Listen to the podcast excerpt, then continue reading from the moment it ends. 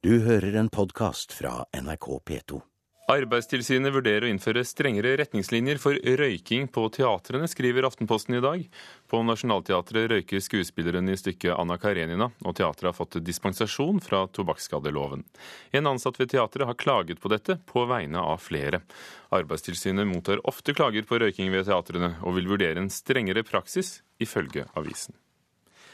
Nordmenn må slite og yte før vi kan tillate oss å nyte, det sier skihistoriker Tor Gotaas om grunnen til at Birken er så populært. Til helgen er det 80 år siden det første Birkebeinerregnet, på ski altså, mellom Rena og Lillehammer fant sted. Fra 155 startende i 1932 er det denne uken 22 000 som deltar på de forskjellige rennene. Og de over 16 000 plassene til morgendagens renn ble utsolgt på 97 sekunder. Sverre Rimberg pysser et av sine flere par ski. Og gni godt utover, vet du. 70-åringen fra Bergen bosatt i Elverum er en av 22 000 påmeldte til årets ulike Birkebeinerrenn. Du går på ski og kjenner at rytmen er der, da har du flyten. Herlig følelse. Behøver ikke noen annen rus enn den. Vi respekterer de som sliter. Og det å slite, først yte, så nyte, det er noe som ligger i nordmannen, for det har kosta så mye krefter å klore seg fast i gråsteinsjorda Norge. Skihistoriker Tor Gottaas, som skriver bok om langrennssportens indre sjel, trekker historiske linjer for å forklare hvorfor Birken er blitt verdens største skirenn i år. Du tar deg fram i skogen og puster djupt og føler en slags samhørighet med, med naturen. Eh, på ski så er du direkte ute i naturen. Det er på en måte i naturens eh, hellige kammer. altså Det er et eller annet som mange intuitivt liker, for vi har forlatt det, men samtidig kan vi oppsøke det sånn porsjonerte doser i løpet av dagen, i stedet for at vi bor eh, under ei gran i ei hule og har skinnfeller som klær. Mye har endra seg siden Torstein Skjevla og Skjervald Skrukka kjempa seg fram på ski med kongssønnen Håkon Håkonsson i 1206. Men 1000 år etter står skikulturen fortsatt sterkt hos mange nordmenn, sier Gotaas. Enten du hater det eller liker det, så har du et forhold til langrenn. og det å kunne gå Birken en gang, eller prøve å se på det, er noe som gir en slags status, tror jeg. Og så er det mange som syns det er artig og moro å gå langrenn. På kjøkkenet hjemme i Elverum setter den mangeårige birkebeineren Sverre Rimberg frem mat sånn. før den siste treningsturen før lørdag. Jeg spiser en god del havregryn, store havregryn. Hiver oppå en god del linfrø. Men det at så mange vil konkurrere i et skirenn som nå til helga, da er det typisk norsk? Eller er det et europeisk fenomen? Eller? Det er et europeisk og et amerikansk fenomen òg. Men det som er typisk for Norge, det er at så veldig mange er så god form av de her mosjonistene. For hvis du ser hvordan Oddvar Brå satsa på langrenn for 30 år siden, så er det flere mosjonister i dag som er mye mer seriøse enn han. Det er ingen som vinner Birken i, gutt, i over 60 år som, som har jobb. Alle er profesjonelle sier Gottaas, som sammenligner oppslutninga om Birken og Vasaloppet med Mekka. Så Først så jeg folk som gikk til Mekka.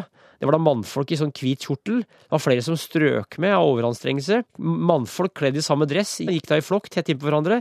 Jeg ser, ser, ikke noe forskjell på starten i Vasaloppet og de som går rundt steinen i Mekka. Så det er litt av det samme, altså. Ja, nå har jeg én tur igjen, og nå skal jeg rusle. Og bare kjenne at flyten er der en times tid. Lykke til. Så, takk skal du ha. Det trengs. Sverre Rimberg, en av mange birkebeinere som skal være med på Birken i morgen, 80 år etter at det ble arrangert altså første gang. Og så hadde reporter Stein S. Eide også møtt skihistoriker Tor Gotaas.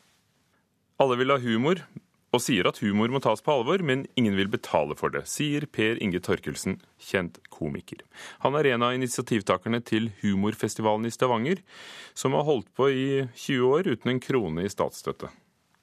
Alle er nå enige om, politikere og alle, at humor er sykt viktig. Men å gå derifra til å gi penger til det, det er en bøyg. Komiker Per Inge Torkelsen snakker for sin syke mor, i dette tilfellet Humorfestivalen i Stavanger, der han sitter i styret. Vi søkte om noen hundre tusen fra Rogaland fylkeskommune og fikk beskjed om at vi kunne få inntil 5000 kroner i underskuddsgaranti. Jippi. Torkelsen klaget i går sin pengenød på årskonferansen til nettverket Norske festivaler, som i disse dager er samlet i Stavanger, byen der humorfestivalen ble startet for 20 år siden. Det fortelles når Arne Gaper som guttunge satt og spiste middag sammen med familien sin, så ser far til Arne at Arne smiler. Og det er et tegn på at han da har syndige tanker i hodet sitt. Og som straff så får ikke Arne Garborg de neste to månedene spise middag med familien sin. Han må stå og spise middagen i en krok med ryggen mot familien sin. Dette er deler av vår oppvekst, og i sånne miljøer trengs det humor. Men om den store norske humorfestivalen, som den heter, er aldri så viktig. Den statlige støtten har aldri kommet, til tross for gjentatte søknader til Norsk kulturråd, sier Torkelsen. Eh, og det vi får beskjed om, er at vi er ikke musikk. Og vi er heller ikke litteratur, og vi er ikke scenekunst, og vi er knapt nok kunst. Og vi faller på en måte mellom alle stoler. Vi har prøvd noen ganger som har følt at vi var litt uærlige der, og sagt at vi skal ha en kunstutstilling òg. Vi skal ha en utstilling om tegneserier, vi skal ha morsomme musikk. skal vi ha. Eh, men det hjelper ikke likevel. Altså, Humor blir ikke sett på som kunst engang. Humor blir sett på som noe ja, morsomt nok, men nei. Vi har ikke penger til det. Hvorfor skal dere ha statlige penger, da? Fordi at humor er sykt viktig. Humor er ofte den beste medisinen. Et liv uten humor, da dauer du fort. Vi får en ufattelig stor mengde søknader. Vi har I hele Kulturrådet har vi 16 000 søknader, og på festivalsiden veldig mange. Vi gir støtte til 160, men vi skulle gjerne gitt støtte til veldig mange flere også. Det sier Stein Slyngstad, direktør for kunstavdelingen i Norsk kulturråd.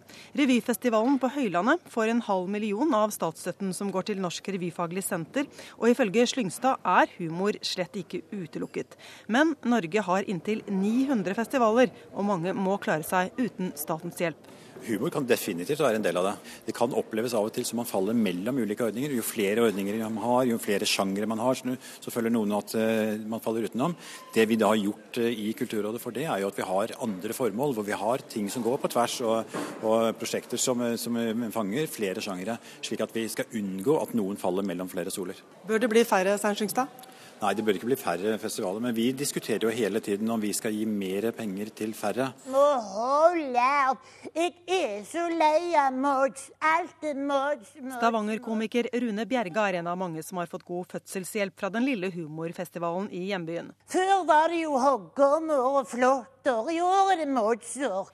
Kommunens støtte er også trappet ned, og den store humorfestivalen blir mindre og mindre år for år. Og noe løfte fra Slyngstad kom heller ikke. Jeg kan ikke love noe til noen. Kom her, kom her, kom her.